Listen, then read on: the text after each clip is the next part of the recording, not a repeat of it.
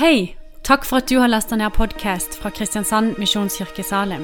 For å finne ut mer om oss, besøk vår hjemmeside på kmsalim.no.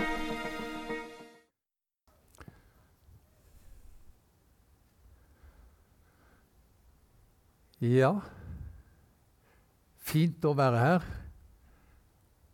Veldig fint å høre vitnesbyrdet. Linn. Sangen Gunstein. Gunstein har jeg kjent i mange år. Eh, Da jeg begynte på Ansgarskolen Det eh, har sikkert du glemt, men da var jeg en av de eh, som gikk på Det norske misjonsforbunds teologiske seminar, som fikk sånne der, øvelser i stemmebruk hos deg. Vi hadde egne timer i stemmebruk. Og jeg har nå stemmen enda da, etter 40 år som predikant, så da har jeg vel kanskje lært noe, da. Du har lært masse. Du tror det? Ja, det er deg, ja. Det jeg kan om stemmebruk, har jeg lært av deg. sånn er det. Takk for fine sanger. Sanger som er rett inn i den tiden vi, vi lever i. Mm. Ja, som eh, du har sagt, Bjørn Stian, så er vi inne i en taleserie om de ti bud, som eh, vi har kalt rett og slett et annerledes folk. Og eh, vi er kommet til det andre bud, men før vi tar fatt på det, så ser du at jeg har rigga meg til med en flipover, som jeg av og til eh, gjør. Og da tenkte jeg at jeg skulle gi dere en kort innføring i 2000 år med kirkehistorie. Er dere klar for det? 2000 år med kirkehistorie. Når du gjør det på engelsk, kalles det a crash course. Når du gjør det veldig fort. Et lynkurs. Og nå skal du få et lynkurs. I, ser dere her? Står den i veien? Litt. Jeg kan selvfølgelig også skyve den litt lenger fram. kanskje Sånn. Du ser? Alle ser? Yes, yes. Da skal dere se. Her er 2000 år med kirkehistorie. Her Så enkelt kan det gjøres. Det gikk jo veldig fort. Altså, det er eh, Oi sann. Det er eh, tidslinjen. Det er, det er 2000 år, det der, der. Vi kan si at her har vi år null, og så kan vi si der har vi år 2000, bare for å eh, gi en liten antydning på hva vi snakker om. Og så har du kirkens liv gjennom 2000 år da, i den vestlige verden. Det ser sånn ut.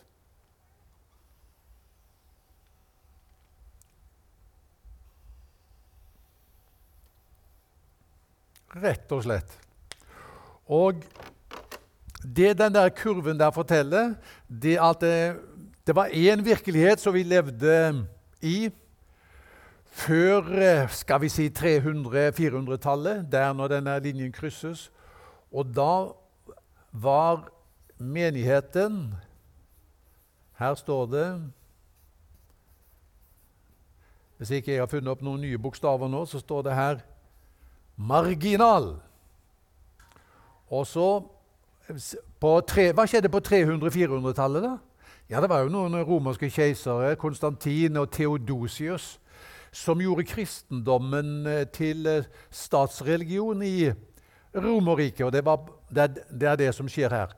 Og Da gikk eh, kirken fra å være, menigheten fra å være en marginal størrelse i samfunnet, liksom en øy i et hedensk hav, til å bli en sentral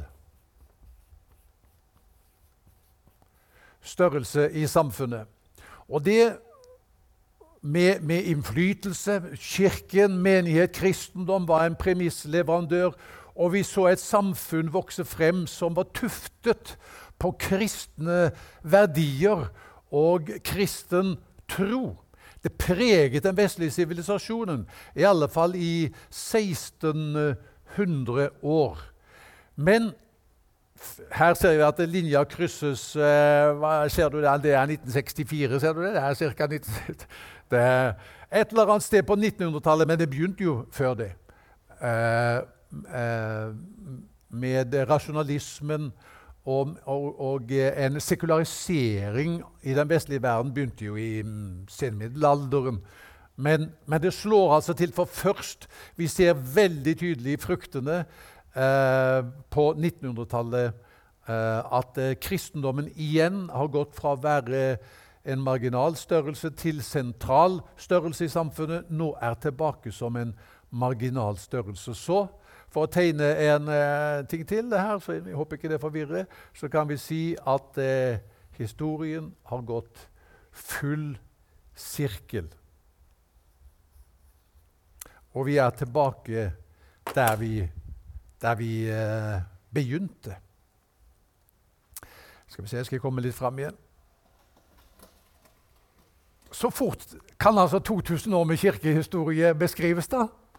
Og det er eh, Dette er faktisk svært viktig å ha som et eh, bakteppe og en forståelse for oss som er kristne i dag. Hør! La meg si det veldig tydelig. En æra er over. Den vestlige kristne sivilisasjonen, samfunn tuftet på kristne verdier, er avgått ved døden. Vi kan ha et minutt stillhet hvis vi vil. Så vi er altså tilbake der det hele begynte, med kristne som en minoritet i et uh, samfunn som er hedensk. Og da er spørsmålet hvordan skal vi gripe det an? Den situasjonen som vi nå står i, hvordan skal vi gripe det an? Der er flere alternative veier å gå. Én er altså gi etter for tidsånden. Eh, tilpasse seg strømningene i tiden.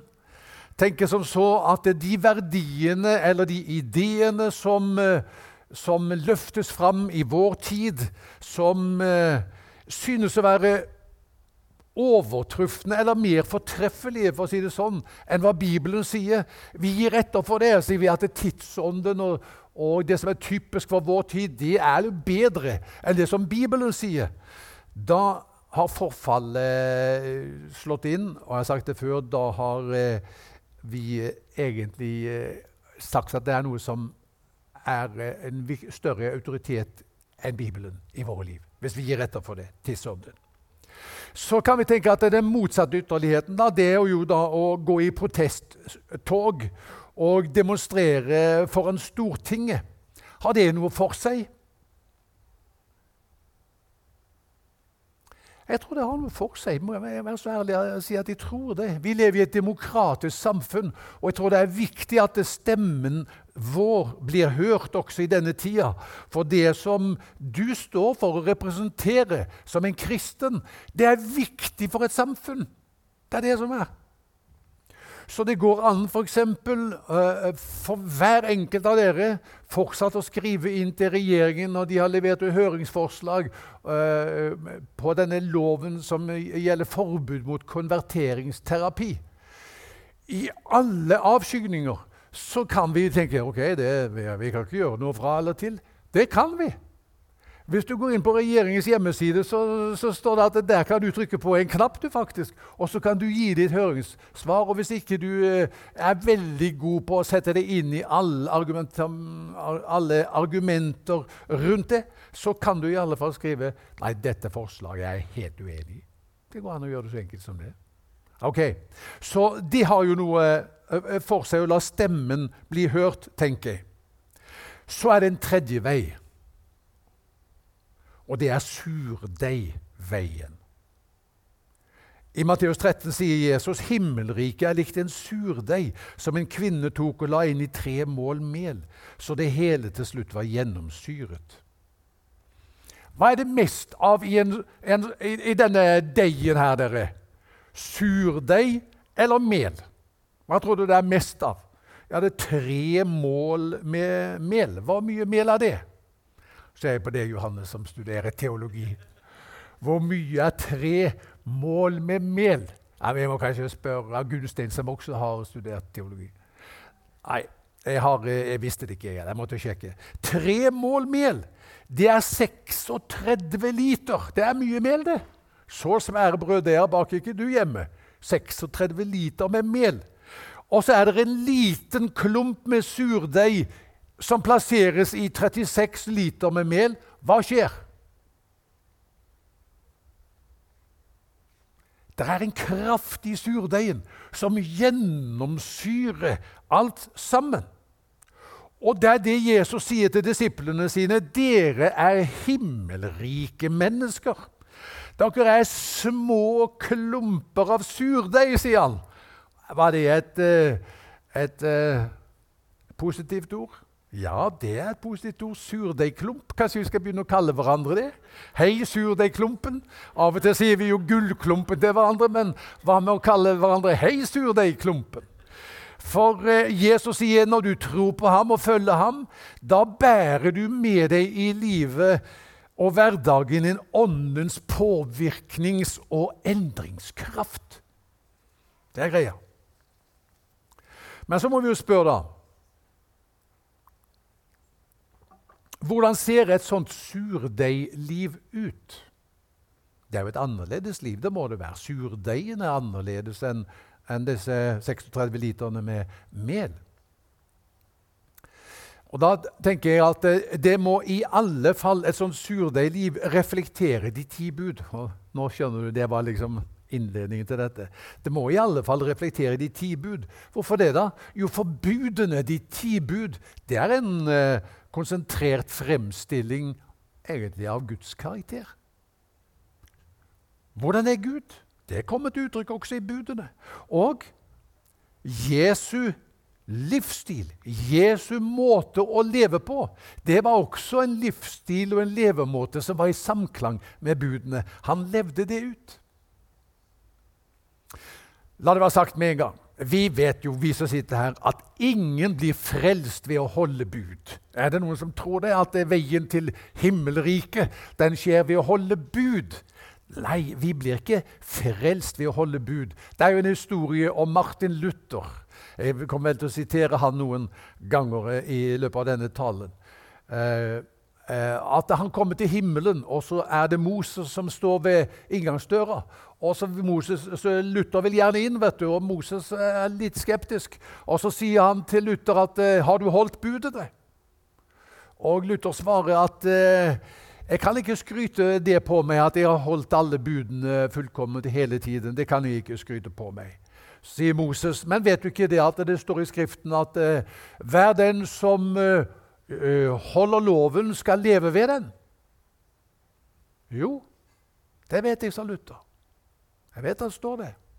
At den som holder budene, skal leve ved dem. Det vet jeg. Men det står mer også, sa han til Moses. Han sa Romerbrevet 4. Annerledes er det med den som ikke har gjerninger, men tror på Ham som erklærer den ugudelige rettferdig.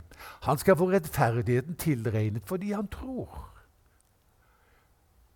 Skal jeg si det en gang til? Altså, Annerledes er det med den som ikke har gjerninger. Altså, Jeg har ikke holdt budene. Det er ikke liksom, eh, ikke sant? Annerledes er det med den som ikke har gjerninger, men som tror på ham som erklærer hvem? Den ugudelige. Det er det mest oppsiktsvekkende verset i Bibelen. Han som erklærer den ugudelige rettferdig.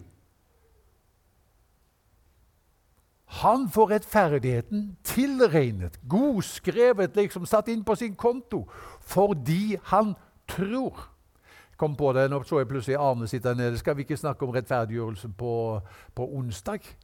Er det nå på onsdag eller neste onsdag? Førstkommende onsdag. Kom, eh, Hør mer, da skal vi få, eh, få det enda mer utdypet. der At det, eh, frelse er ikke ved, ved, gjerninger, men ved tro. Men tilbake til Moses og Luther. Når, når Luther hadde sitert dette verset fra, fra Romere 4, så, så blir Moses veldig alvorlig. Og så tar han Luther bort i et hjørne, liksom en eh, stille avkrok der bare de to er alene. Så sier han, eh, Luther, la det være helt mellom oss, dette her to. La det være helt mellom oss, dette. Eh, men sannheten er at det var på det grunnlaget som du nå sier, at jeg kom inn i himmelen, jeg også, sa han. Og det er jo et godt poeng. ikke sant? Også for Moses. På hvilket grunnlag kom han inn i himmelen?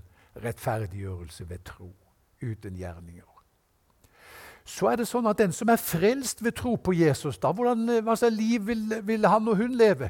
Vi vil holde budene. fullkomment. Det snakker vi ikke om. Men det er, en, det er en ny strømning. Vi er omvendt til noe. Til å leve det nye livet. Vi er frelst til det. Et liv som reflekterer budene. Jesus sa til han vet du, ved Betestadammen, som blitt, uh, hadde, var lam og hadde, var syk i mange år. Og så sier Jesus til ham at eh, 'Nå er du blitt frisk', sa han. 'Synd ikke mer'. Ok? Og til kvinnen som var grepet eh, på ferskgjerning i hor, vi husker den fortellingen også fra Johannes 8. Var det noen som hadde fordømt henne? Jesus sa jo til de som dømte henne, 'Den som er uten synd, kaster den første sten.' Alle gikk. Også Den eneste som kunne kaste sten, det var jo Jesus, for han var syndfri. ikke sant? Uh, og så sier Jesus til denne kvinnen, uh, 'Har ingen fordømt deg?' Nei, heller ikke jeg fordømmer deg. Gå bort og synd ikke mer fra noe av. Legg merke til rekkefølgen. Først 'Heller ikke jeg fordømmer deg'. Og så 'Gå bort og synd ikke mer'. Det var ikke sånn 'Synd ikke mer, så skal jeg ikke fordømme deg'. Det begynte med at hun der og da blir frifunnet fri for fordømmelse. Heller ikke jeg fordømmer deg! Gå bort og synd ikke mer. Og Der har du surdeiglivet. Det er et liv der man tar dette med seg. Er frifunnet hos Gud, og så tar jeg dette med meg ut i livet, så det får prege hverdagsrelasjonene mine. At jeg er skapt også til å leve et liv etter Guds mønster. Det er det vi er skapt til, det er det vi passer for, og det er da vi har det godt. Og det er andre bud Oi, oi, dette ble lang tale. Nå tror jeg jeg har brukt 20 minutter på innledningen. Jeg skal passe tida. Uh, så når vi da kommer til det andre bud, så lyder det som så Du skal ikke misbruke Herren din Guds navn. Det står i, i 2. Mosebok kapittel 20 og vers 7. Og I Luthers forklaring til uh, dette budet i hans lille katekisme og Jeg fortalte på et møte for jeg vet ikke, det er noen uker siden når vi talte om, om budene liksom generelt. Så fortalte jeg at da jeg gikk på skolen, begynte på Gard skole i Haugesund, så lærte vi å, å pugge Luthers lille katekisme. Noen av dere gjorde også det. Og da heter det i hans forklaring til det andre bud så begynner det sånn. Hver av disse forklaringspunktene begynner jo med 'det er'. Det husker jeg kanskje best av alt som liten. At det er liksom 'Det er'. Ok, Hva er det å ikke misbruke Herren din Guds navn? Jo, det er vi skal frykte og elske Gud, så vi ikke bruker Hans navn til å banne og sverge, men kaller på Gud i all nød, ber, lover og takker. Det var hans forklaring. Så har han en stor katekisme der han bruker mange sider på å utdype dette. Men det var dette vi lærte som barn da. La meg ta dette her ganske kort. For det første å ikke misbruke Guds navn. Det handler om å ikke bruke Hans navn til å banne. Det er det enkleste. Ikke sant? Vi bruker ikke Guds navn i banning. Det skjer ikke blant kristne heller. Det vet vi. Eh, på folkemunne er det vel ikke så uvanlig. I den engelsktalende verden så hender det at man bruker navnet Jesus til banning, faktisk. på en måte da. Jesus har jeg hørt folk si, som ikke er kristne i det hele tatt. Hvis du slår opp den engelske ordboka Oxford Dictionary fra 1995, så vil du finne følgende forklaring på Jesus. Slå opp Jesus, ikke sant? så står det Jesus. Utropsord som uttrykker overraskelse eller frustrasjon. What? Og så står det i parentes grunnlegger av kristendommen. Det står i parentes. Det er ikke så utbredt i Norge at man gjør det. Men jeg har hørt også i Norge at folk som aldeles ikke er kristne, bryter ut 'Å, herregud', har jeg hørt dem si. Har du hørt noen si det? Å, herregud. Som du vil se, så er ikke det det alvorligste bruddet på det andre bud.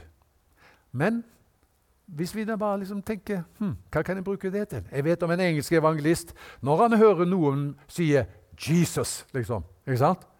Så bruker han det med en gang. Så sier han 'Å, hvem?' Og da stusser de litt, vet du. Eller han sier 'Jaså, så du kjenner min beste venn, du også?' Ok, nok om det. Vi, vi, vi ser. Vi bruker ikke Guds navn på den måten. Men Luther sier mer, og det er riktig, at vi bruker heller ikke Guds navn til å sverge. Hva er forskjellen på å banne og sverge? Å sverge, det er å, å liksom bruke Guds navn for å bekrefte riktigheten av noe som jeg har sagt. Liksom, ja, jeg lover sånn og sånn, og så kaller du på Guds navn, eller bruker Guds navn for at det, dette skal få enda større troverdighet. Det var jo brukt i rettsvesenet vårt i tidligere tider. Og Da var det ikke uvanlig at man i retten sa det sverger jeg, så sant hjelpe meg Gud den allmektige og allvitende. Kunne man si da. Og Vi ser jo ved presidentinnsettelser i USA at presidenten gjerne legger hånda på Bibelen, avlegger ed, og så hva sier han så? So help me God. Ikke sant? Så det er, en, det er en ed der man påkaller Guds navn, på en måte. Liksom der man lover dette skal jeg holde, og Gud er mitt vitne. Av dyp respekt for Gud og Guds navn så unngikk man i jødedommen å bruke Guds navn når man lovet noe. Jo, man kunne sverge, men da sverget man med himmelen, f.eks. Eller ved jorden. Eller man sverget ved Jerusalem. Og da var tankegangen den at da var det ikke så farlig om du ikke holdt det du hadde lovt, for Guds navn var jo ikke eksplisitt nevnt.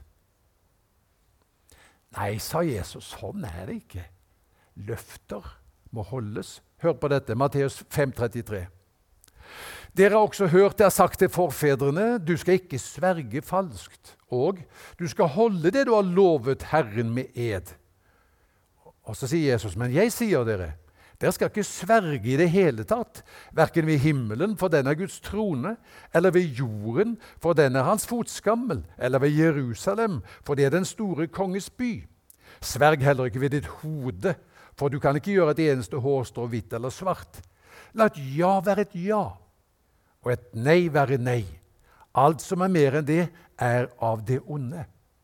Altså Jødene tenkte så lenge jeg ikke bruker Guds navn, så er det ikke så nøye om jeg holder det jeg har lovt. Men Jesus sa dere sverger ved himmelen. Ja, Men det er jo Guds trone. Ja, ja, men jeg sverger ved jorden. Ja, men det er jo hans fotskammel. Ja, men da sverger jeg ved Jerusalem. Ja, men det er jo den store kongens by. Hør, Gud er til stede overalt. Det betyr at eh, alle løfter som vi gir, om vi nevner Guds navn eller ikke, er løfter som er gitt for Hans ansikt. Og derfor må de holdes. Løfter må holdes, for de er gitt for Guds ansikt. Og Jesus sier det er jo et stort nederlag at dere må ty til en ed eller til å sverge for at dere skal bli trodd. Barn vet Vi hadde mange barn her i stad.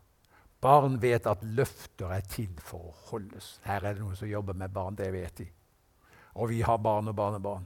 Hvem har ikke hørt barna si til de voksne 'Mamma, du har jo lovt det!' Det er trist at voksne glemmer det. Hør. Vi sier ting vi ikke mener. Lover ting vi ikke er så nøye med å holde. Vi behandler ikke våre egne ord som bindende, anser oss ikke forpliktet på det vi har sagt. Vi tar ikke våre egne ord på alvor. Da undergraver vi vår integritet. I Bibelen er løfter alvorlig, delvis fordi trofasthet er en av Guds egenskaper. Er det ikke det? Er Gud trofast? Han er trofast! Og så ønsker han å se i barna sine denne surdeigkvaliteten som heter trofasthet. Og en annen greie er det. Hvordan går det med et samfunn der man ikke holder løfter?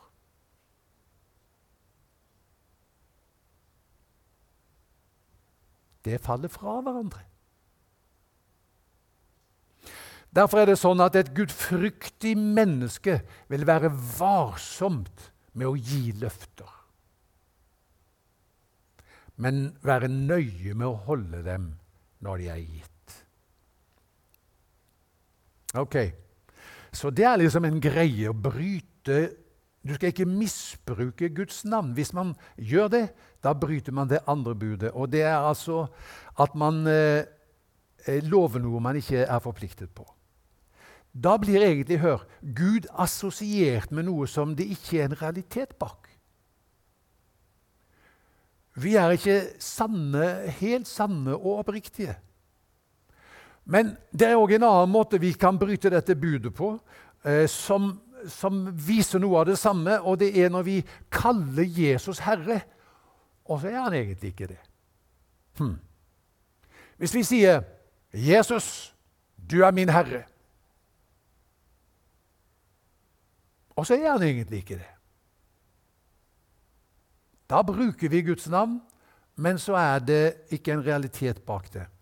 Og det er det som er, og det er liksom et eh, tredje punkt som vi har. Vi har sett på det å banne, vi har sett på det å sverge. Men så er det det å kalle Jesus Herre, men i realiteten selv ha begge hendene på rattet. Det er å bryte det andre bud, det også. Hør på dette. Ikke enhver som sier til meg 'Herre, Herre', skal komme inn i himmelriket, men den som gjør min himmelske Fars vilje. Mange skal si til meg på den dagen, 'Herre, Herre, har vi ikke profet, profetert ved ditt navn?' 'Drevet ut onde ånder ved ditt navn og gjort mange mektige gjerninger ved ditt navn?' Da skal jeg si dem rett ut, 'Jeg har aldri kjent dere, bort fra meg, dere som gjør urett.' Det er jo, det er jo skikkelig alvorlige ord. De kaller Jesus Herre. Og det er med følelse, for de kaller han ikke bare Herre, men de kaller ham Herre, Herre. Og vet, Når vi skal understreke noe i vårt skriftspråk, hvordan gjør vi det? Vi lager utropstegn bak det, eller setter noe i kursiv eller fete type eller understrekning under det vi sier. ikke sant? Men på hebraisk gjentar man ordet for å virkelig understreke noe. Så når David hadde mistet gutten sin Absalom, og han sørget, hva sier han da? Sa han Å, Absalom, dette var fælt. Nei, han sier Absalom, Absalom, sier han. Husker dere det? Og når Jesus skal si noe til Martha om at Martha, du stresser kolossalt mye, lær du litt av søstera, de setter ned, hva sier han da? Sier han, 'Martha, du gjør det strev og uro med mange ting.' Nei, han sier, 'Martha, Martha'. Ikke sant? For riktig å understreke noe. Og Her er det altså noen som sier til Jesus, 'Herre, Herre', for virkelig å understreke det. Og de bruker også Guds navn i tjeneste. Vi er drevet ut onde ånder ved ditt navn. Men hva er problemet? Problemet er at det er ikke realitet bak det. De sier en ting, men i realiteten er det ikke sånn. Så det er òg en måte. Altså, Jesus han er frelser og herre. Han er ikke begge deler. Han er frelser og herre. For eksempel, jeg da heter Geir Johannessen. Og la oss si at det, det kom det som en overraskelse. Nei, jeg visste det. La oss si det at uh, Bjørn Stian vil invitere meg på Hva vil du invitere meg på, da? Du vil invitere meg på biff og bearnés, selvsagt. Ja. Og så crème brulé til uh, dessert. Ja visst. Og så, så, så, så, er det sånn at Hvis du inviterer Geir Johan, så kan du ikke invitere Geir inn og så la Johannessen stå utenfor. Kan man det? Jeg vil ha Geir inn, men Johannessen du, det er greit, du er på trappa. Sånn er det med Jesus òg. Han er frelser og herre. Kan ikke invitere frelseren inn og la han som er, har et kongerike og som er herre, stå utenfor. Ok. Så det som jeg har sagt nå, det er at et surdeigliv i verden det handler om å holde løfter. Det handler om åndelig integritet og realitet. Å ha Jesus som herre og, og vise det med, med livet mitt. Um,